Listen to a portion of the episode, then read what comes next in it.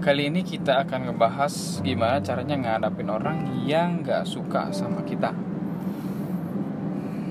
Pada dasarnya orang-orang yang memang gak suka sama kita, mereka memang ketika awal kali berjumpa atau bertemu dengan kita, kenal dengan kita, dengan diri kamu itu, mereka memang ada beberapa hal yang menurut mereka itu gak pantas, gak sesuai dengan yang mereka pahami terus gimana caranya ngadapin orang kayak gitu?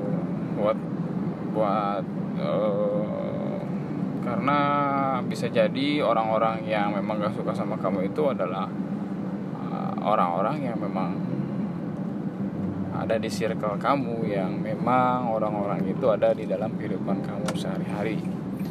Dan juga ada beberapa hal yang harus kita ketahui. Yang pertama adalah ketika orang yang gak suka sama kamu itu adalah orang yang memang bisa mengekspresikan ketidaksukaannya dengan ngomong langsung atau kebanyakan ngomong ke orang lain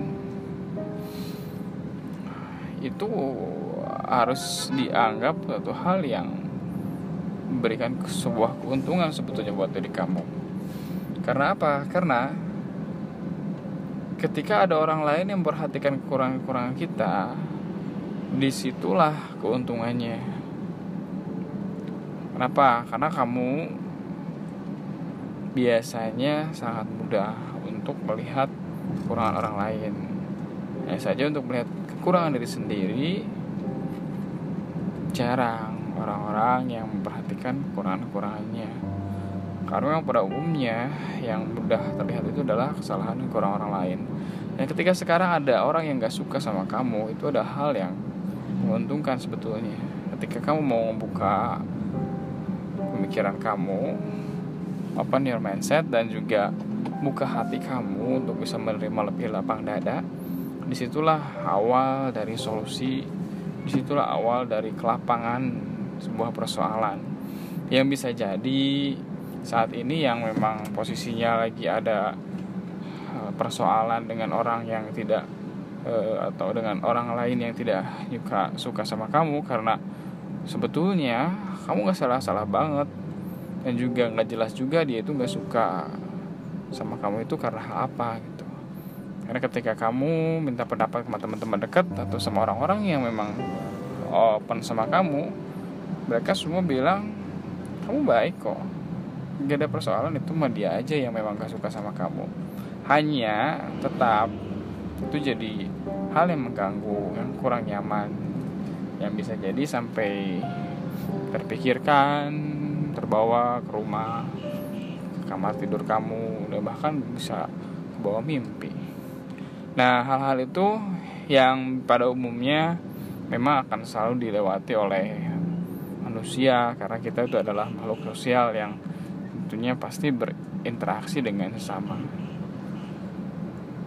penyikapannya adalah yang pertama itu kita benar-benar menyadari seperti uh, yang tadi sudah uh, dikatakan bahwa itu uh, kita harus benar-benar berusaha membuka hati dan membuka pikiran bahwa itu adalah sebuah kebaikan.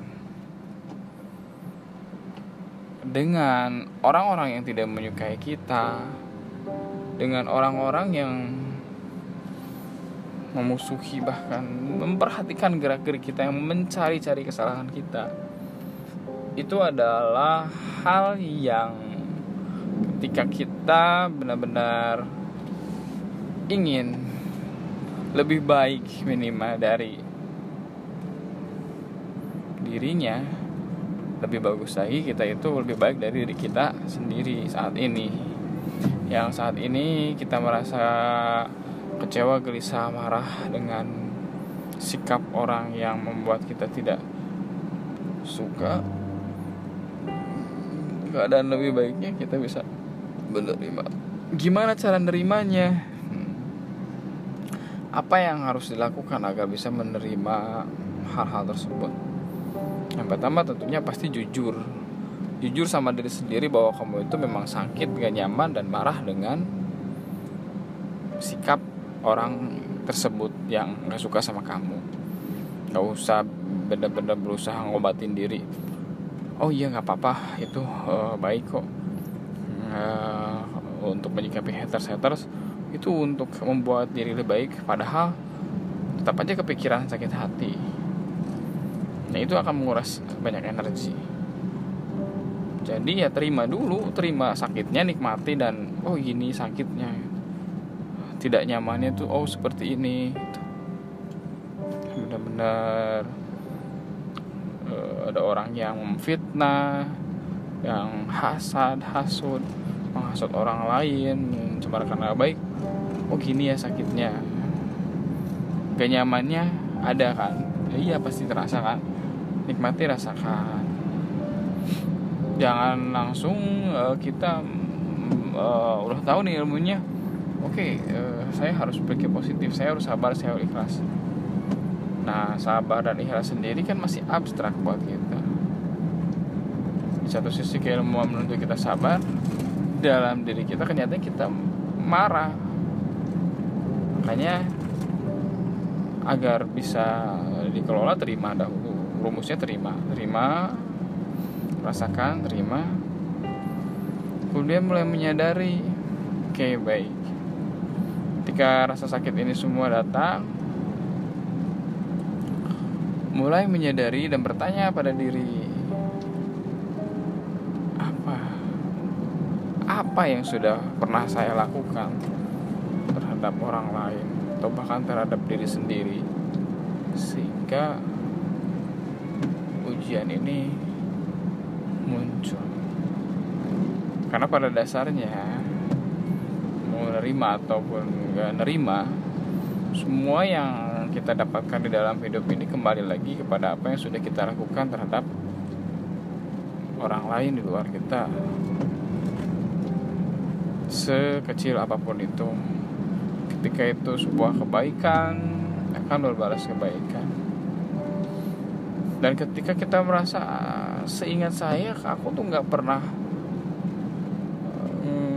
ngelakuin salah deh sama dia. Kok dia segitunya? Nah, justru di sana lah kesalahannya. Saking kita merasa baik kita sampai nggak tahu bahwa diri kita ini pernah tanpa sengaja menyakiti mereka. Kalau ada ucapan tingkah laku yang itu menyinggung perasaan mereka. Atau bahkan diamnya kita itu orang lain pun nggak suka karena itu nggak bisa dipaksakan orang lain kita nggak bisa memaksakan orang lain harus suka sama kita yang bisa kita usahakan adalah membuat diri kita ini bisa menerima ketentuan-ketentuan dan perilaku-perilaku dari luar diri kita. Oke, jadi harus sadar dulu apa yang bisa kita kendalikan dan apa yang tidak bisa kita kendalikan. Dan apa-apa yang bisa kita kendalikan itu akan memberdayakan diri kita. Dan apa-apa yang tidak bisa kita kendalikan itu akan memperdayakan diri kita. Yang kedua adalah sudah diterima, kita harus sadar. Yang bisa kendalikan apakah mulut orang lain atau hati orang lain? Jelas bukan. Yang bisa kita kendalikan adalah mulut kita dan perasaan pikiran kita. Maka itulah yang kita kelola. Di sinilah yang membedakan dan yang menyebabkan ketika ada suatu persoalan kita menjadi stres, menjadi depresi, atau kita akan benar-benar menikmati proses dalam ujian-ujian ini. Kuncinya di sini. Kuncinya kita sadar apa yang bisa kita kendalikan dan apa yang tidak bisa kita kendalikan. Dan yang bisa kita kendalikan adalah ucapan, pikiran, perasaan diri kita sendiri. Maka ketika ada orang-orang yang memang membuat tidak nyaman atau bahkan menghasut orang lain untuk untuk e, membuat mereka mm, tidak menyukai kita, kita sadar bahwa aku nggak bisa untuk ngerubah hatinya jadi suka pada diriku. Yang aku bisa lakukan adalah aku harus bisa menerima dan aku harus bisa benar-benar baik pada diri dan lebih baik lagi pada diri sendiri. karena apa pun yang dilakukan atau apa pun yang dilakukan dari luar itu pasti awalnya dari dalam diri sendiri kita menyadari berarti ini ada hal yang memang harus kita perbaiki dan memang sudah menjadi eh, hal yang baik ketika kita mau menerimanya dan menjadikan persoalan ini sebagai pemberdayaan. Oke, nah, sudah kita uh, menerima dan juga menyadari, kemudian kita kelola teknisnya atau gimana stepnya, gimana tahapannya buat kita bisa sadar dan bisa menerima. Ya tentunya kita punya pikiran dan perasaan perasaan ini Allah ciptakan untuk bisa merasakan rasa sedih, bahagia, senang, kecewa, amarah dan lain sebagainya. Kemudian Allah juga memberikan kita akal untuk berpikir dan juga memberikan keilmuan-keilmuan melewati hamba-hambanya. Nah, ketika hati kita memang sedang kalut, sedang gelisah, hal yang menjadi P3K yang harus benar-benar kita usahakan ketika belum bisa berpikir jernih ketika belum benar-benar bisa menerima keadaan langsung di dalam hati membatin aja. Pada siapa ya? Pada Allah. Siapa lagi yang memang zat yang selalu hadir selalu ada yang lebih mengetahui diri kita dari diri kita sendiri bahkan dari ibu kandung kita sendiri Allah ya yang lebih tahu dan lebih memahami kita. Karena tidak mungkin Allah memberikan persoalan pada diri kita Allah nggak mungkin memberikan persoalan pada dirimu itu melebihi batas kemampuanmu. Walaupun ketika berucap dalam hati ya Allah kenapa mesti terjadi? Apa salah saya? Kita perbaiki agar lebih baik. Sudah tentu ketika adanya datang ujian di sana adanya datang um, adab azab atau bahkan hukuman dari Allah sudah tentu itu adalah suatu proses pembersihan. Kita lihat dari sudut kasih sayang. Ketika diuji dengan persoalan yang berat yang kita pertanyakan bukan apa salahku. Ya Allah bantu aku untuk benar-benar menyadari kesalahanku.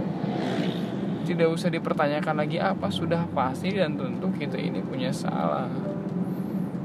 Yang terjadi ketika persoalan itu datang dan berat membuat kita tidak tahu persoalan yang mana. Dan kita berdoa memohon tunjukkan kesalahan yang mana yang membuat engkau mengujiku seperti ini.